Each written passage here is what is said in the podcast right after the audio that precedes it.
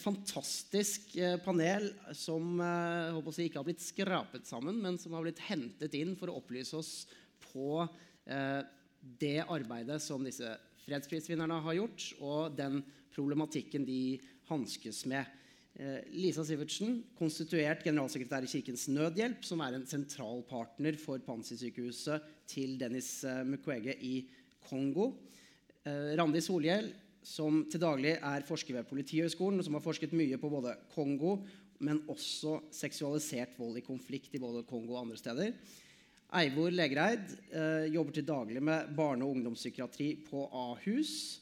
Og I 2016 så ledet du det psykososiale arbeidet for jesidiske organisasjonen Jasta i Irak, som hjalp jesidikvinner som unnslapp fangenskapet til IS, eller rømte snarere. Og så har du senere vært tilbake for å forske på nettopp hvordan disse kvinnene lever og overlever med det traumet de har vært gjennom. Og så har vi borterst Asle Sveen, historiker og forfatter av bl.a. historieboka om Nobels fredspris, som kan hjelpe oss å sette dette i en fredspriskontekst. Så velkommen til dere alle fire. Lisa, jeg vil starte med å stille deg et veldig enkelt spørsmål. Um, hvordan reagerte du i går klokken 11 da det ble annonsert at Dennis Mukwege, som har vært nominert en rekke ganger for fredsprisen, Ja. endelig fikk den? Da ble det full jubel på kontoret. Så da var det hopping og dansing og roping. Og veldig, veldig mye glede og, og stolthet. Eh, vi prøvde med en gang å ringe opp eh, Pansi-sykehuset, eh, og der var det også full eh, jubel. Eh, mange har sikkert sett uh, filmklipp derfra spredd i sosiale medier de siste dagene. Det var jo en, eh, en fest på sykehuset med masse masse kvinner som da samla seg for å hylle Mukwege. Og hvorfor er dette en pris som dere i Kirkens Nødhjelp sikkert føler at dere har en bitte liten flikk av? Altså vi, Sammen med flere andre organisasjoner Vi var jo med på å etablere sykehuset sammen med Mukwege. Eh, og har vært med å støtte sykehuset hele veien i snart 25 år. Um, og vi har også jobba sammen med Mukwege om å videreutvikle arbeidet som gjøres på sykehuset. Altså fra å være medisinsk, som er kjempeviktig, til å også jobbe psykososialt. eh, og eh, også hjelpe kvinnene praktisk videre. For mange av kvinnene må jo bygge et nytt liv for seg sjøl. Så det, her er det mye som skal repareres. Det er kropp, og det er selvtillit, og det er liv som skal repareres. Eh, og Mukwege er jo med i alle de prosessene. Det er jo helt fantastisk. Vi skal komme litt inn på de forskjellige delene av det arbeidet. Men jeg vil også høre med deg, Eivor, som kjenner veldig godt til den andre eh, vinneren av årets Nobels eh, fredspris, Nadia Morad. Eh, hvordan reagerte du da du hørte nyheten om at eh, hun som 24-åring, er det vel, får fredsprisen? Det var rett og slett vanskelig å holde tårene tilbake. Um, hun var jo nominert en gang før, og da var jeg i Irak mens vi så på eh, sammen om eh, ikke jeg og Nadia Morad, men veldig mange av hennes nære, um, om hun fikk prisen eller ikke. Og det betyr så utrolig mye for jesidifolket. Um, både Nadia Morads rolle, at hun har klart å sette ord på å være en representant for kvinnene som har overlevd eh, seksuell forsøk på å utslette jesidifolket. Eh, og at jesidifolket nå får anerkjennelse gjennom hennes arbeid. Det gir dem håp til at det er mulig at de kan overleve likevel. For det akkurat det føler jeg er veldig usikkert. Um, Asle, det at det er to personer, vidt forskjellige personer fra to vidt forskjellige steder som deler én Nobels fredspris, hvor vanlig eller uvanlig er det? Ja, det, er ikke, det er vel ikke så vanlig, men eh, det interessante er jo at den aller første prisen faktisk var til to personer. Det var til Henri Dunat, som var stifteren av Røde Kors, og så var det til en Passy, som liksom var eh, den, den store innenfor eh, den internasjonale fredsbevegelsen. Det skapte naturligvis debatt med en gang. Det kan vi kanskje komme tilbake til. Med humanitære priser ble jo kritisert. Er det innenfor Alfred Nobels testament? Men uh, det er også flere andre eksempler på det.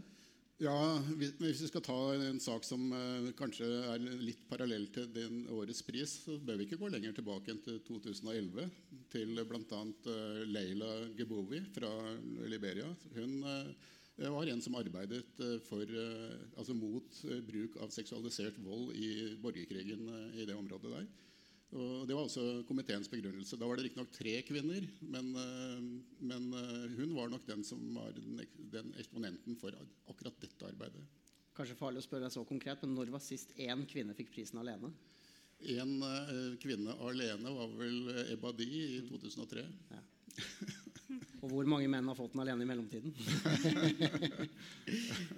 eh, Randi, eh, jeg skal, jeg skal prøve, vi skal prøve å plassere denne prisen litt i Nobel-kontekst, som vi har gjort nå, og så, skal vi lære litt både om de konfliktområdene som disse to fredsprisvinnerne hører hjemme i, eh, men selvsagt først og fremst det temaet de blir tildelt fredsprisen for, nemlig bruk av seksualisert vold i, i krig. Og Robert Mukwege han holder til i, i Øst-Kongo, i Bukavu, eh, helt på grensa mot Rwanda, Burundi. Og det er et område som har vært særlig ustabilt siden eh, borgerkrigen i Rwanda, som ble avslutta i 1994 med, med, folkemordet der. Hvordan er det denne regionen har, har vært påvirka av det som skjedde den gangen, i, i, tiden etterpå? Det har vært en enorm påvirkning fra folkemordet i Rwanda, særlig. Eh, Kongo før eh, altså Da het det jo Zaire. Eh, Kongo et, eh, var et relativt stabilt land, tross alt, i, mange, mange, eh, i flere tiår mens, mens Mobutu var president. Men det var jo selvfølgelig mange utfordringer innad i Kongo som man ikke tok tak i, deriblant en del landrettigheter og konflikter mellom folkegrupper. Eh, med folkemordet i Rwanda så kom det en enorm tilstrømning av flyktninger. Både flyktninger og væpnede altså skjult som flyktninger eh, eh, fra Rwanda og inn i Kongo.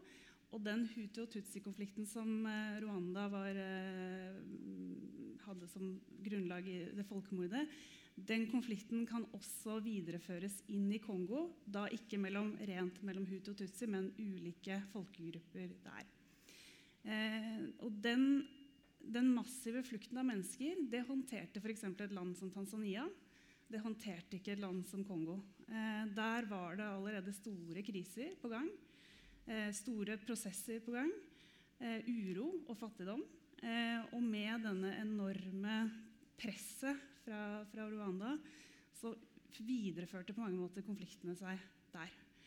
Og de konfliktene man ser i dag For det har jo vært mange nivåer av konflikter her. Det har vært på nasjonalt, det har vært på regionalt, det har vært ni land involvert. Naboland involvert.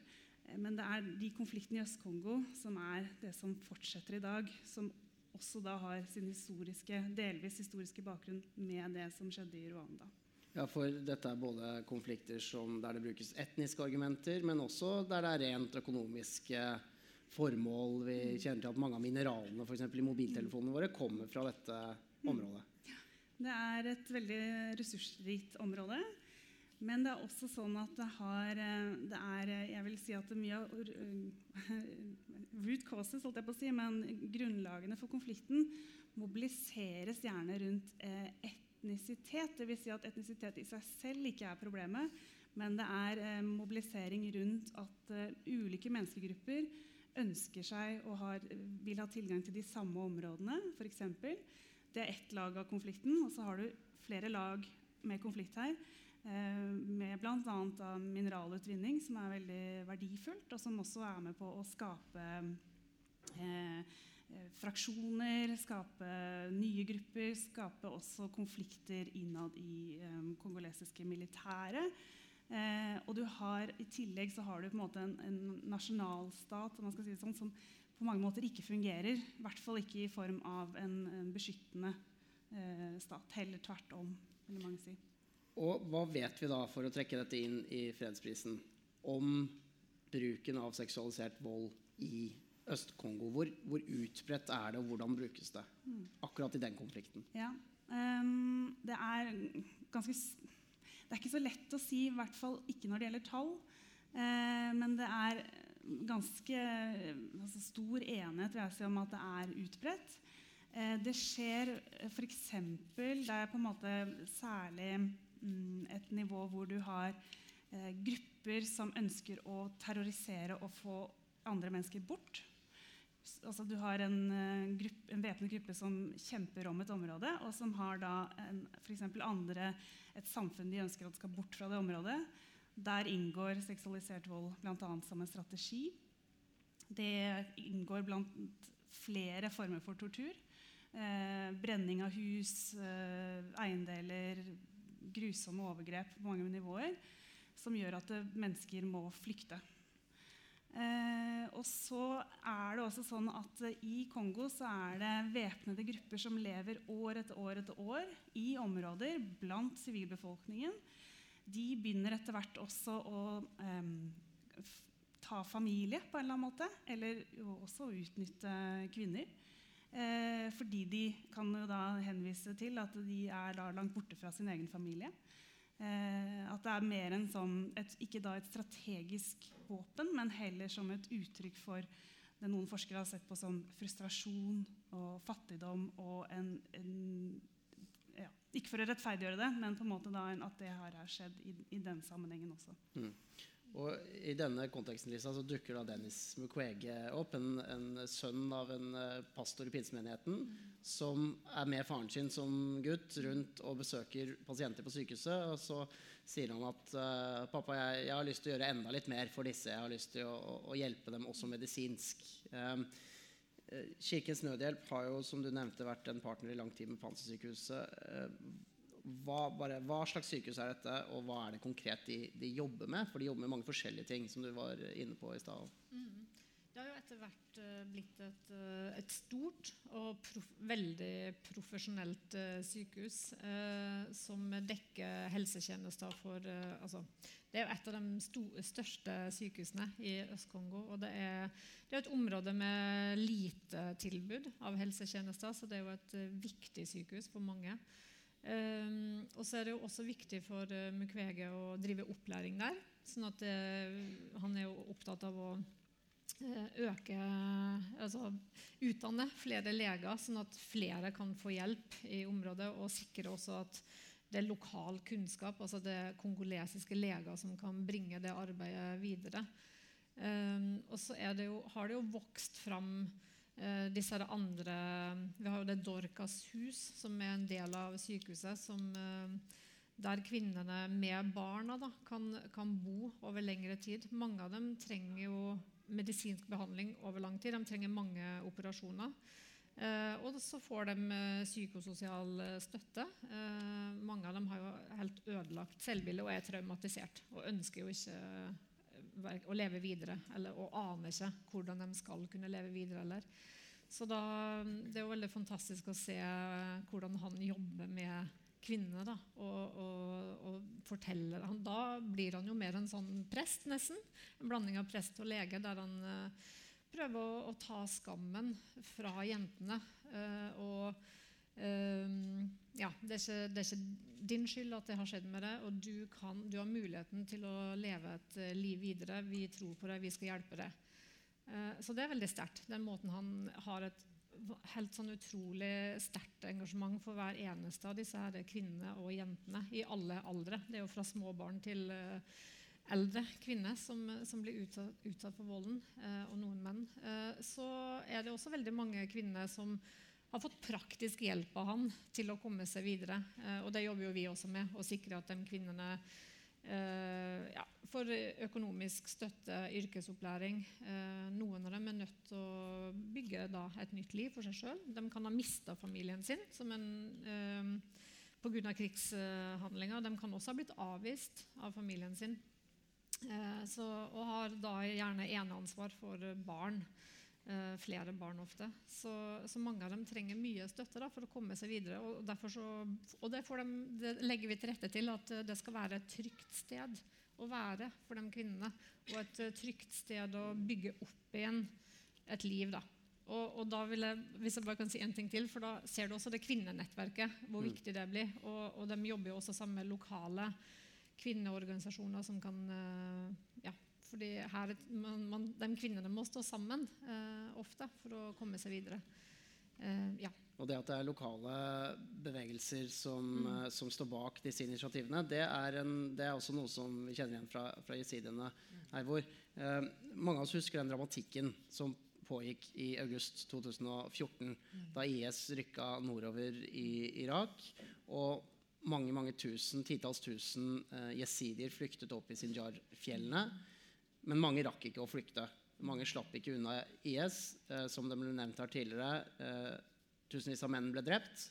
Og kanskje enda flere kvinner ble tatt til fange. Eh, hvorfor ble de egentlig det?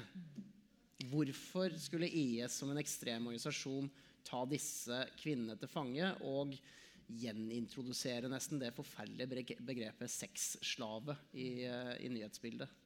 Det er egentlig litt utenfor det som jeg eh, holder på med, men allikevel så har jeg lest litt i IS sitt magasin, der de eh, skriver en ganske grunn, gjennomgående begrunnelse for hvorfor. Eh, da viser de til eh, de gamle skriftene rundt Mohammed, slik jeg husker det. Eh, og at det var bruk av eh, sexslaveri på den tid. Og at for at kalifatet skulle komme til sin fulle form, så eh, var det å ta seks slaver en del av den totale fyllebyrdelsen av kalifatet.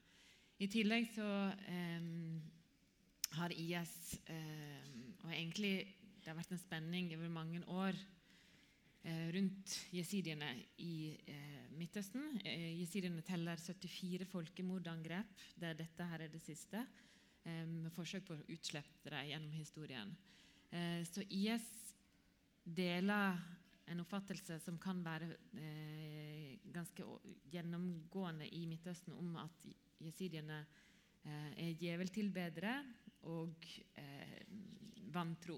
Og For de er en religiøs minoritet. sånn superkort bare. Hvem, hvem er ja. jesidiene? Jesidiene er en religiøs minoritet. Det nå er det rundt 300 000-400 000. Det er litt sånn usikker masse. Tallene spriker veldig. Både på hvor mange som ble tatt, og hvor mange som finnes. Rundt 300 000-400 000 i Irak. Rundt en million totalt i verden. Um, I Shingal-området var det der de fleste levde. Eh, det, historisk sett har de hatt liten utdannelse. De, eh, en kan ikke konvertere til jesididom. En kan heller ikke eh, gifte seg utenfor jesidi-kulturen. Eh, og i Midtøsten så vil jo et eh, voldtekt bli forstått, eller sex eh, bli forstått som ekteskap. Derfor så er det så utrolig brutalt våpen å velge å bruke Eh, for å forsøke å utslette dem. Målrettet krenkelse, rett og slett? Målrettet krenkelse, men òg en målretta altså De kvinnene som blir voldtatt, eh, ville IS kunne tro, og som også ble sagt av IS, at de ikke lenger er jesidier. De behøver ikke å forsøke å rømme, for de er ikke lenger jesidier og vil ikke bli tatt imot tilbake igjen hvis de rømmer, rømme. Har jeg sagt til folk som har vært fanga. Eh, det har fortalt meg det, blant annet. Mm. Og, og, hva slags altså, hva slags situasjon kom disse kvinnene som du har møtt, ut av denne opplevelsen med?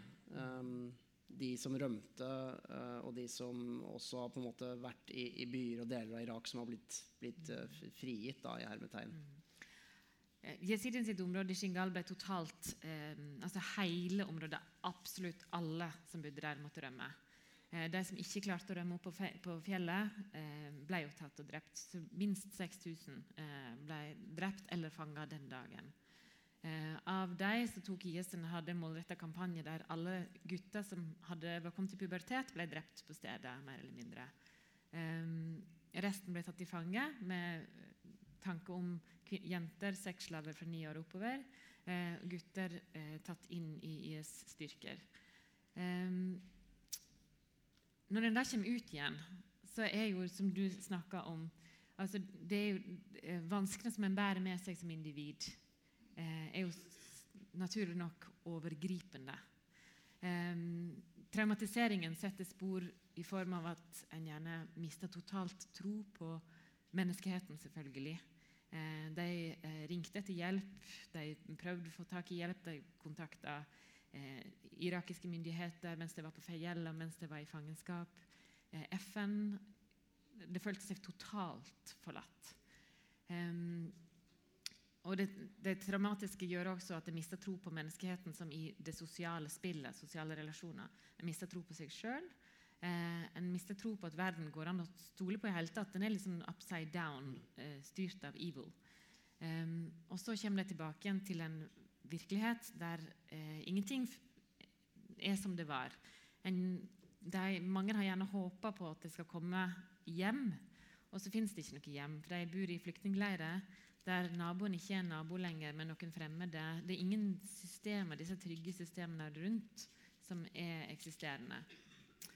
Eh, og da er det å bygge opp livet igjen. Å bygge opp tro på seg sjøl og bygge opp hverdagen igjen. Som helt uforståelig nok er det som det faktisk setter i gang med. Kvinnene begynner å jobbe, eh, selv om de tradisjonelt sett ikke har hatt jobb. Fordi det finnes ingen menn lenger ofte. Um, og de tar seg av sine barn, og de får uh, støtte av den delen av familien som er gjenværende. For Det som var ganske utrolig som skjedde i Sidi-samfunnet, det var at de religiøse lederne gikk ut og sa dere er fortsatt velkomne. Dere er fortsatt jesidier. Um, og de, uh, reiser, de fleste reiser til en uh, døpe seg på nytt. Uh, og så er det Nadia Morad, som tidlig gikk ut og fortalte sin historie.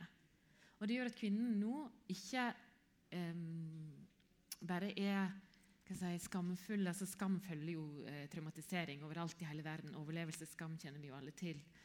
Um, men de faktisk kan se på seg sjøl som seirende og mestrende. Eh, Nadia Morad tør å fortelle om at hun har blitt voldtatt mange ganger, og hvem hun har blitt voldtatt av. Detaljer, grusomme detaljer. Og jeg har møtt mange kvinner som tør å gjøre det samme. Og det ser ut som at betydningen fra Nadia Morad og at siden religionen tok dem inn, eh, faktisk har en eh, helende effekt for kvinnene i samfunnet. Eh, med at de tør å stå fram. Eh, mennene er ofte stolte av dem. Eh, det her er selvfølgelig ikke alle, det er jo noen som det utarter seg helt annerledes for, men som overordna kan jeg si at det har hatt veldig stor betydning. Og I sommer så var det ti år siden FN vedtok eh, resolusjon 1820, som definerer seksualisert vold i krig som eh, en forbrytelse mot menneskeheten. Mm. Og det kan man jo si Asle, at det var på høy tid, fordi det er jo ikke en ny problemstilling. Altså, hvordan har seksualisert vold eh, blitt brukt i krig eh, opp gjennom historien? Ja, da kan vi virkelig gå langt tilbake. Jeg har fulgt med nesten med jordbruksrevolusjonen. Det normale da var at uh, de overvunne ble tatt som slaver. Uh, som regel ble i hvert fall de sterkeste mennene drept. Og man frykta jo opprør. Og så ble kvinnene uh, tatt som sexslaver, eller som, ja, som slaver, husholdningsslaver. Man kan også bare gå til Det, nye, til det gamle testamentet og se eh, altså, Vil ha en idé om krigføring i Midtøsten eh, for noen tusen år siden. Da var jo beskjeden som regel drep alle mennene og alle eldre kvinner. Og ta alle de Det står vel de kvinner som ingen mann har rørt, som eh, til fange. Av nyere tid så er det jo, hvis vi skal ta noe som virkelig skaper til dags dato konflikt, så var det japanernes bruk av koreanske kvinner i feltbordeller over hele de områdene der hvor japanerne hadde okkupert. Og det har jo, en, det har jo vært en, si, en stridsspørsmål eh, til dags dato. Særlig mellom eh, de to koreanske statene, Kina og Japan. For Japan har vært ikke helt villig til å anerkjenne at dette her ble gjort. Da. Men der har jo mange koreanske kvinner stått fram og vitnet, eldre kvinner, og vitnet om det de ble utsatt for. Og så har vi naturligvis Bosnia-krigen her i Europa, som var jo et voldsomt sjokk. At det kunne skje i Europa på 1990-tallet.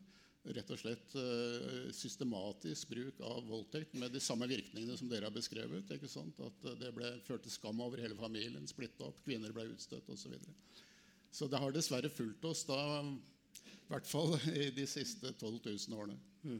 Randi, akkurat det med Bosnia er noe du har sett på tidligere også. Um, som Asle sier, det er også et europeisk problem, dette her. Um, hva, hvordan ble det brukt under Bosnia-krigen, og hvilke likheter og forskjeller ser du med, med andre steder det foregår? Mm. Det er, del, det er, jo ganske mange forskere som har studert nettopp konfliktene i Bosnia med tanke på det med seksualisert vold. Eh, og det kan også parallelt med folkemordet i Rwanda. Og begge konfliktene, eh, uten sammenligning for øvrig, det skjedde jo bare på samme tid, så var det en, en logikk bak etnisk rensing en, et ønske om å utslette en befolkning. I en sånn sammenheng så er eh, seksualisert vold en ganske eh, om man skal si gunstig, altså effektiv eh, form for våpen. Eh, det har den logikken da bl.a. om at menneskene du forgriper deg på, eh, er ikke mennesker, egentlig. De er dehumanisert på mange måter. Du har, I Bosnia så var det da menn som også ble eh, seksuelt torturert, eh, lemlestet, ydmyket på det groveste. Også drept, selvfølgelig. har vi jo mange, mange ja, eksempler på. Eh, hvorav da også kvinnene altså Da tar du bort mannen på en måte fra det samfunnet.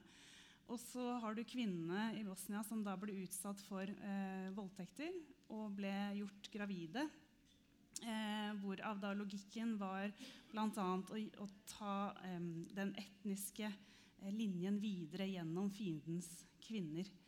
Eh, og det er jo en sånn sett, sånn sett så, Da var på en måte seksualisert vold så brutalt og som et våpen i krig at det fikk også ringvirkninger internasjonalt eh, når det gjaldt, tror jeg også på um, resolusjon 1325 og også videre sikkerhetsrådsresolusjoner rundt seksualisert vold som faktisk en krigsforbrytelse. For det er, helt, det er, litt sånn vanskelig å snakke om dette i et hva skal jeg si, sånn militærtaktisk eh, begreper. Da. Mm. Men det er jo en av årsakene til at årets Nobels fredspris setter, setter søkelys på nettopp den problemstillingen. Fordi det blir brukt militærtaktisk, strategisk, men også for å nå mål, som du sier. Altså den rene etniske rensningen, rett og slett. Mm. Eh, men uh, i en kjempefin dokumentar som ligger på NRK om Dennis Mukwege og, og Pansersykehuset, så, så, bruker journalistene ikke bare begrepet eh, seksualisert vold, men seksualisert ekstremvold. Mm. Eh, og det forstår man veldig godt når man hører noe av det disse kvinnene blir utsatt for. Fordi det virker jo som det, mye av det har jo ikke med en, en seksuell drift å gjøre i det hele tatt, eller med seksuell nytelse. Eh, eller med det vi ser på som vanlig voldtekt. Altså, dette er den verste form for, for liksom nedverdigelse og vold eh, som, som, er rett og slett vanskelig å, å høre historier om. Eh, hvor, altså, hvor, kommer, hvor, kommer, det fra? Altså, er det eh, militære ledere som sitter og gir konkrete instruksjoner om, om hva som skal gjennomføres, hvordan det skal gjøres? Eh, og hvorfor? Hva vet vi om det, Lisa? Eller andre? Det kan forskerne si litt mer om. Men eh, vi vet jo at det av og til har vært en del av en ordre. Altså at det nettopp har vært det, At det finnes dokumentasjon på at det har vært eh, en eh, konkret ordre nedover i rekkene. Så vi vet at det av og til er veldig, en veldig bevisst eh, krigsstrategi. Mm. Uh, og det finnes det dokumentasjon på. Um, og så er det også selvfølgelig også mye historie om at soldatene kan få lov til å gjøre det hvis de vil. At det bygges opp et sånn macho-rituale der man liksom skal forsterke identiteten i gruppa osv. Så, videre.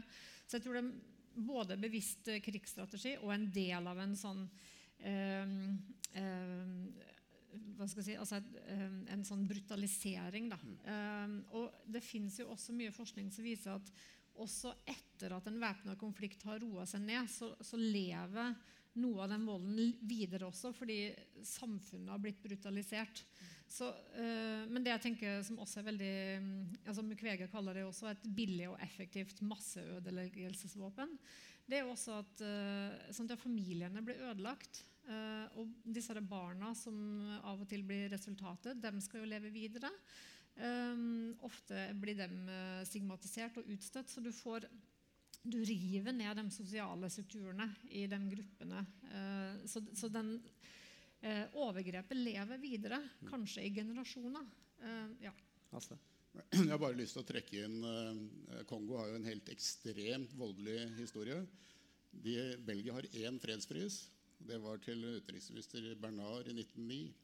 Det, han var jo en såkalt fredsapostel, men det ble litt knurring fordi han var jo del av eh, kong Leopold. Altså I 1884 så delte stormaktene eh, Afrika mellom seg. Og eh, belgiske kong Leopold fikk eh, Kongo som personlig eiendom. og utførte der et vanvittig eh, redselsstyre som faktisk sjokkerte til og med de andre imperialistmaktene. Ca. 10 millioner kongoleser ble drept eh, under, altså de ble tvunget til å utvinne gummi. Eh, og hvis ikke familien eller de som holdt på med det, klarte å oppfylle kvotene, så det er jo mange fotografier, armer, bein ble hogd av. Eh, det vi ikke har vært så veldig kjent her i Norge før de senere årene, er at det var norske offiserer som gikk i Leopolds tjeneste, og som har i brev og annen dokumentasjon vist at dette var de med på. Så det er ikke bare to leiesoldater som vi er litt opptatt av for tiden, med film og greier. Altså Hvis vi løfter blikket litt, så er dette her en, eh, en ekstremt voldelig historie i akkurat eh, Kongo, som vi kan trekke helt opp til vår egen tid. Mm. Ja, hvis du ser på altså, spørsmålet ditt rundt om det er planlagt For Jesidien sin del så eh, var det systematisert til den grad at kvinnene ble frakta til eh, nesten en slags fabrikk eller gårds der det ble stilt opp og registrert, og så henta i puljer og solgt ut. Det var bygd opp egne eh, rettssystem rundt hvem som hadde lov til å få kvinner, og hvilken eh, hvilken kvinner som kunne eh, brukes som sexslaver og ikke. Eh, så der var det fullstendig eh, systematisert. Og det var ingen kvinner som ble voldtatt, så vidt jeg vet. Eller jo, ikke mye sånn voldelig eh, voldtekt eh, i forkant av en slik fordeling, da, strukturert. Som jo er ganske ufattelig, mm. rett og slett systematisert uh, voldtekt. Um, og uh, i hvilken grad altså, Det har blitt snakket om at dette må Olav nevnte det i stad også, dette må bli en del av rettsprosesser mm. i større grad. Uh, nettopp Kongo så ble jo eller tidligere visepresident Jean-Pierre Bemba dømt for, som den første i verden for seksualisert vold som, er, som en, en, et, um, et forbrytelse mot menneskeheten i 2016. Og så ble han frifunnet i sommer. Um, hvorfor det, Randi? Hvorfor ble han frifunnet? Og, altså ganske kort, da. Og, og, og, hva slags signaler sender det når vi snakker om at, at dette må inn i, i rettsapparatet, og de, skyldige må stilles til, til ansvar? Det der er en veldig vanskelig sak. Eh, Bemba var jo presidentkandidat eh, under eh, Kabila når Kabila ble president første gang.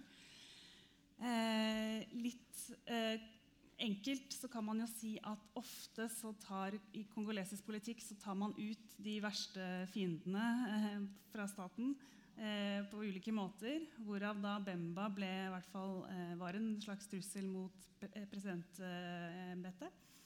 Og kan, kunne bli president.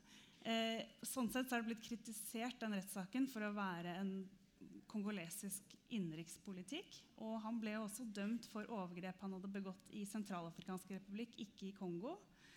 Um, og så har på en måte, tror jeg, sånn jeg har sett det, så har den saken blitt At det var litt svake bevis i, uh, i saken. Um, det er det lille jeg kan si om det, egentlig.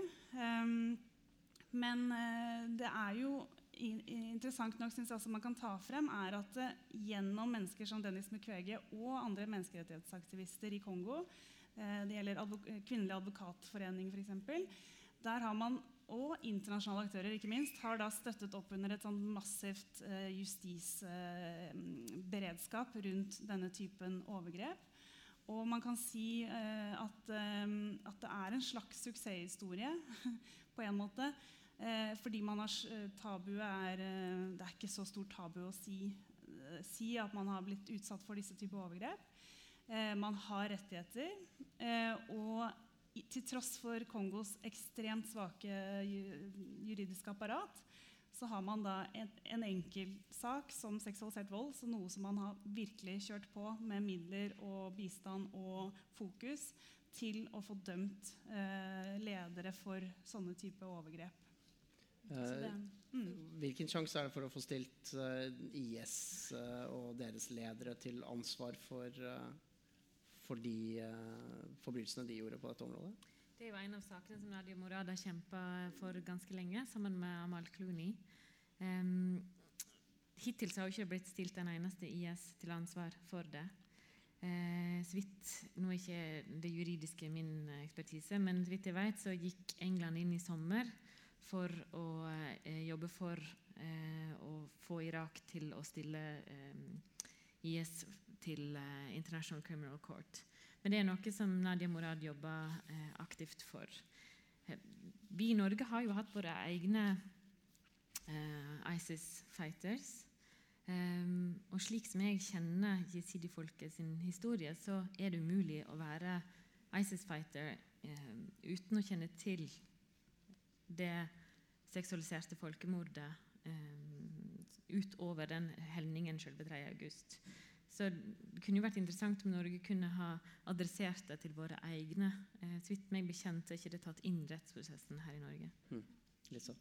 Ja, altså, Mukwege har jo vært opptatt av å, å si at uh, han vil ikke at kvinnene skal fortelle sine historier uten at det får en uh, positiv effekt. Han er opptatt av det. Um, og han håper jo at den prisen her vil bety eh, fortgang i det arbeidet. For jeg er veldig enig med Randi om at det har vært en positiv utvikling i, i Kongo som er kjempeviktig.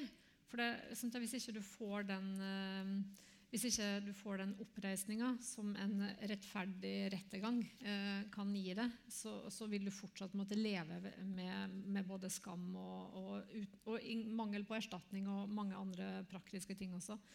Um, men det er et møysommelig arbeid, for du må dokumentere. Det må, det må være et rettsapparat som ikke er gjennomkorrupt. Um, og kvinnene må uh, beskyttes mot uh, sanksjoner fra væpna grupper. Så, så, det er et møysommelig arbeid. Eh, Norge har jo vært med å støtte det arbeidet gjennom bistand og, og, også ved å løfte det opp i multilaterale forum. Det er utrolig viktig. Eh, og jeg håper jo at den prisen kan bety at flere land vil være med på det. Eh, for det, det er jo et tøft press som må settes på her. Altså, Mukwege, altså begge to, begge fredsprisvinnerne lever jo med dødstrusler, dødstrusler og, og, vakthold. For det er jo farlig å mm. stå opp imot uh, krigsherrene som, som begår overgrep. Det er jo sterke interesser som er i sving. Og, så vi trenger alle gode krefter da, med på det arbeidet fremover. Og ikke minst, som McCragge har nevnt veldig tydelig, um, menn må være med mm. på dette. Og, det er jo gjerne menn som har mest makt uh, fremdeles. Så skal ikke jeg nevne navn, men, men en litt eldre, altså eldre herre um, med litt sånn avslepen nordlandsdialekt uh, sa, sa, i går kveld til ganske manges sjokk at uh, han var overrasket fordi dette var en helsepris. Uh, jeg var kanskje ikke den eneste som ble provosert over det. Men, men, kan vi bare sånn, for en gang for alle, bare fordi det åpenbart er nødvendig for noen, å slå fast hvorfor er dette ikke en helsepris? Eh, jeg vet ikke om, noen, Lisa, om du har lyst til å kaste deg løs på den. Altså, han snakker jo rett imot FN. Eh, FN har jo eh, gjennom flere resolusjoner nå sagt klart og tydelig fra at uh, seksualisert vold i krig og konflikt er en krigsforbrytelse, og det skal straffeforfølges. Og det har en veldig stor eh, negativ effekt på eh, fredsprosesser. Eh, så ja, så der er nevnte person og FN på kollisjonskurs. Altså. Ja, jeg var faktisk litt overrasket. Jeg kjenner jo Geir Lundestad. Jeg kan godt si navnet veldig godt. Så jeg overrasker meg litt. Eh, fordi eh, altså striden har jo Eh, vært, eh, da, som jeg nevnte fra 1901, om disse humanitære prisene egentlig kan dekkes av Alfred Nobels testamente. Eh, det er jo mange som ja, Heffermel ga ut en egen bok om Alf, Nobels vilje. Hvor Han stemplet alle humanitære prisene som utenfor testamentet. Nå skal jeg forsvare Hefmel. I dag i Klassekampen så hyller han denne prisen. Så det var faktisk for meg litt overraskende. Men uh, der går den striden hele tiden om, om de tredelingen av testamentet. Der er det Alfred Nobel skrev dette i 1895. og Da var det altså å, arrangere fredskongresser, gå inn for nedrustning og så brorskap mellom uh, menneskene. Det er klart at det, Når Nobelkomiteen alt fra 1901 valgte gi til Avadina, så var det nettopp brorskapsbegrepet. Dette her med at det har en fredsfremmende virkning rett og slett å, å ta seg av alle i, som er utsatt for voldelig overgrep i, i konflikter og krig. Så, og utvilsomt idet dette er definert som et våpen, så er det også et nedrustningstiltak. Det, det, er det også. Ja. Jeg vil også si at FN definerte i 2016 at jesidiene var utsatt for et pågående folkemord. Selve det enkeltstående angrepet skjedde 3.8.2014. Uh, nå i dag er det litt sprikende tall. Mellom 1500 og 3000 kvinner og barn som fortsatt er i fangenskap. Og eh, jeg regner med at Nadia Morad definerer det som et fortsatt pågående folkemord. Mm. Den siste jeg kjenner til som slapp unna eh, fangenskap, var forrige måned. En 12-13 år gammel jente. Så det er absolutt et pågående folkemord. Altså, jeg har bare lyst, lyst, til å følge opp når du først begynner å sette bjella på katta. holdt jeg på å si. Uh, det er jo et stort problem synes jeg, internasjonalt altså når ledende, f.eks. verdens mektigste mann jeg vet ikke om han overhodet har uttalt seg om denne fredsprisen, går imot internasjonale avtaler. Uh, dette her er jo av, veldig avhengig av at uh, det følges opp internasjonale avtaler via FN. Så går noen av statslederne i verden ut til angrep nettopp på internasjonale domstoler og på internasjonalt samarbeid. Det syns jeg er veldig veldig bekymringsfullt.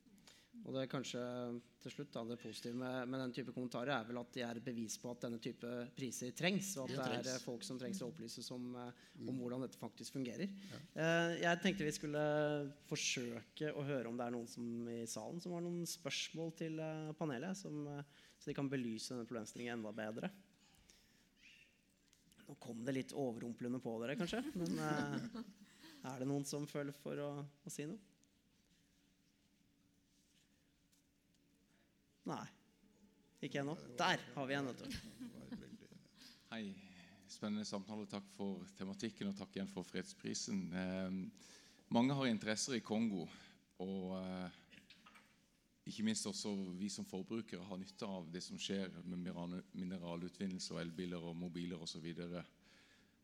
Eh, hvordan oppfatter dere at denne fredsprisen kan avdekke sammenhenger som ikke bare er veldig lokale og veldig på en måte avgrenset til Kongo, men som på et eller annet vis også involverer alminnelige forbrukere?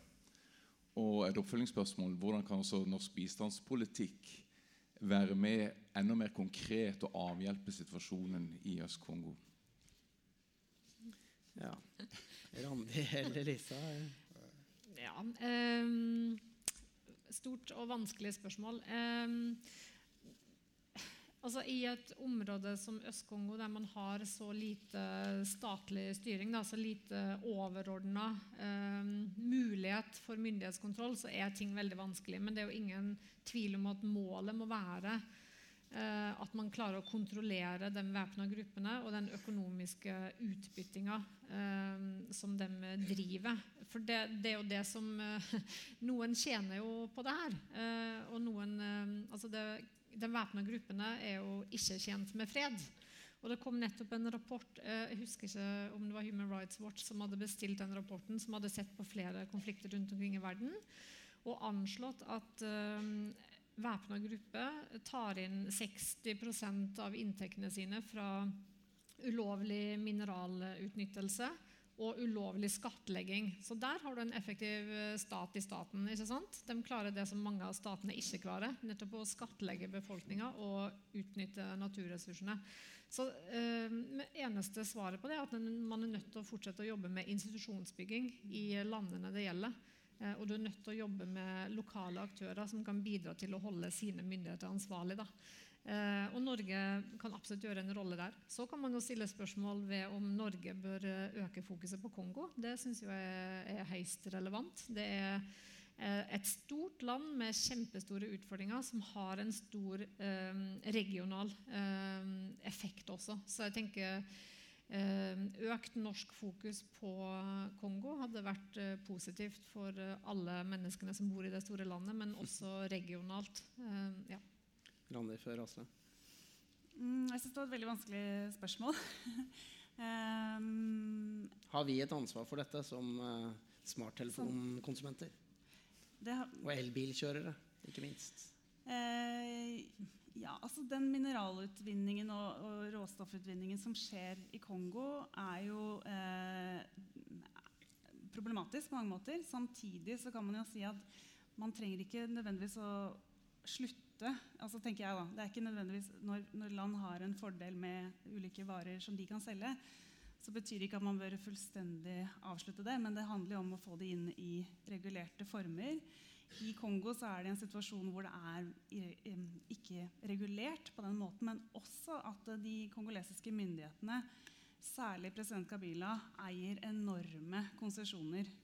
Eh, og det er jo en ansvarliggjøring når, når en Nobels fredspris kommer på en kongolesisk også menneskerettighetsaktivist Eh, som er også i opposisjon til, eh, til, presidenten, også opposisjon med tanke på at um, kritisk til styret, så belyser det også en del innenrikspolitikk som er kjempeviktig. Så vi har alle ansvar, og i tillegg så belyser det en interne situasjon i Kongo.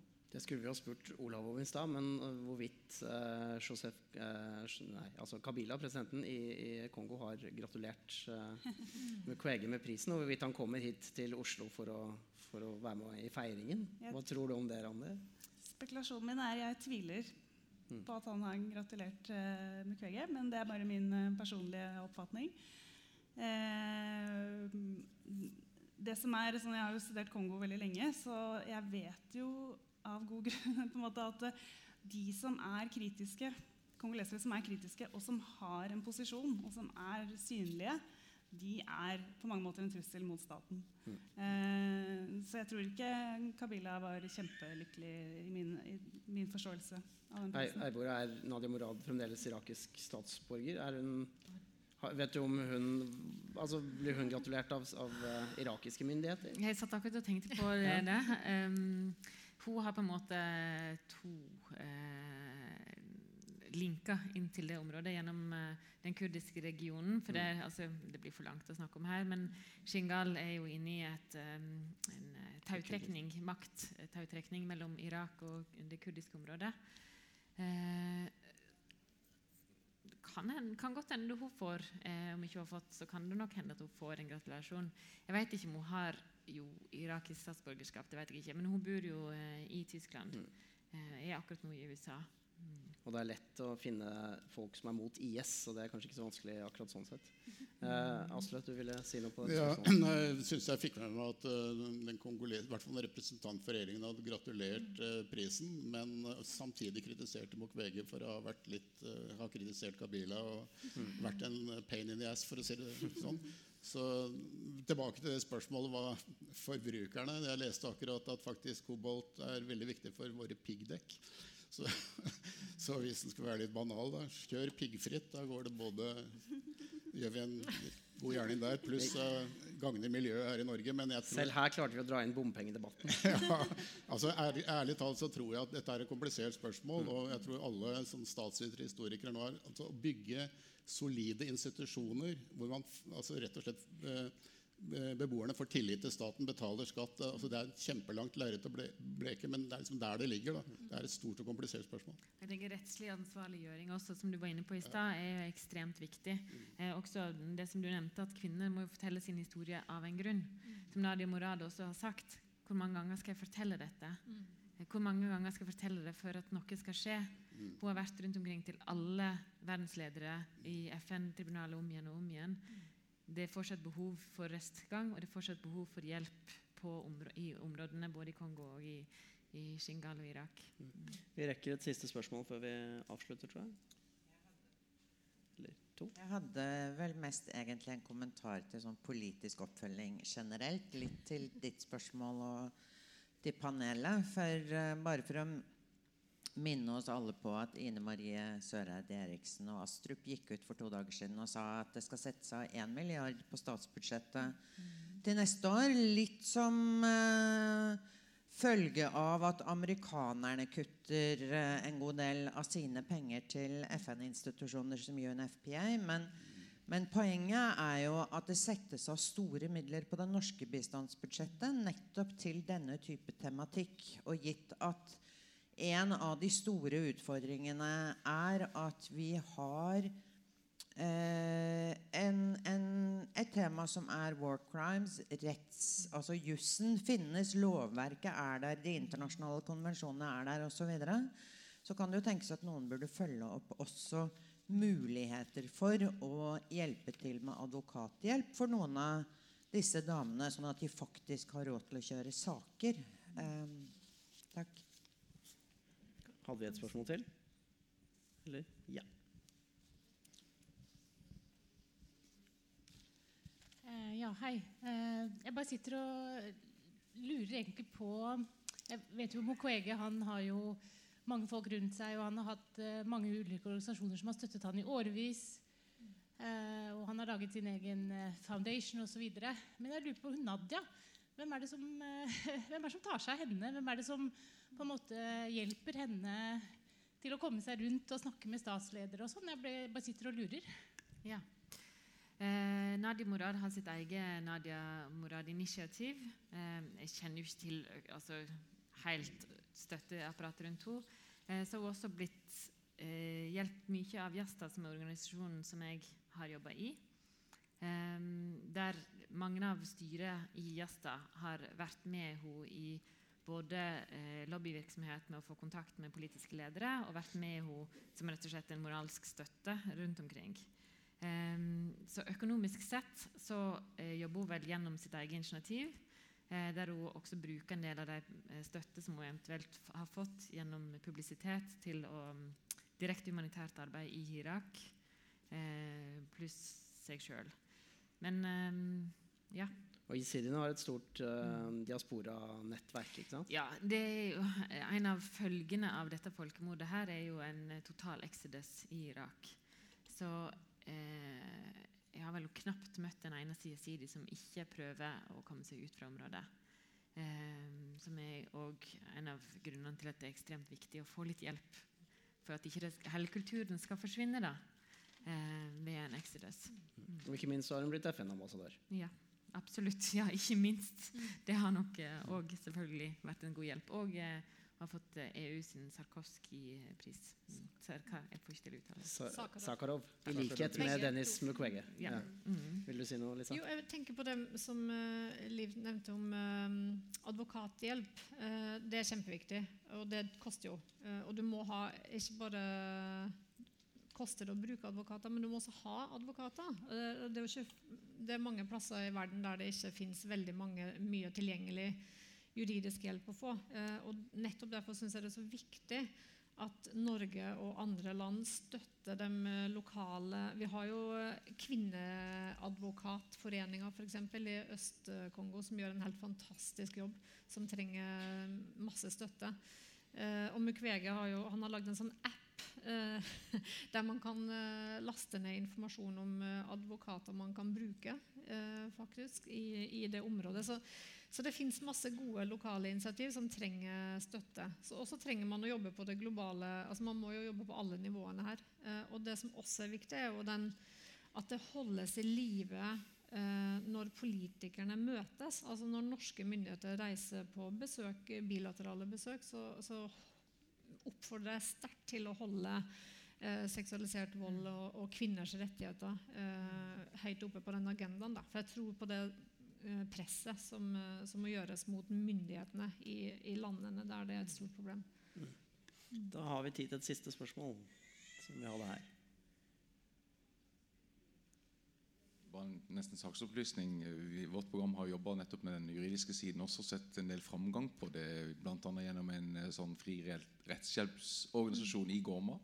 Som da eh, hadde egentlig gode tilbakemeldinger om et endra klima når det gjelder både forståelsen for, for disse sidene, og at, eh, at flere blir strafferettslig forfulgt, og man får flere domfellelser. Så det er en oppfatning av et slags positivt momentum som jeg håper også denne fredsprisen kan forsterke. Og appellere til norske også rettsmiljøer til å se sin eh, besøkelsestid og koble mer aktivt mot samarbeidspartnere i, i Kongo. Det kan vi hjelpe til med. Takk. Ja, Og ikke minst eh, den kompetansen, kunnskapen dere sitter på om, om dette temaet. Dette tror jeg kanskje bare første av mange dager framover. Den vil bli etterspurt eh, både på scener som dette og i media. Så jeg håper dere fortsetter å formidle, formidle det her og, og benytte dette momentumet for denne vanvittig viktige saken. Og tusen takk for at eh, dere kom. Og da tror jeg bare jeg gir ordet tilbake til Liv. Jeg stemmer ikke det? Jo, Ja. er det ikke fint?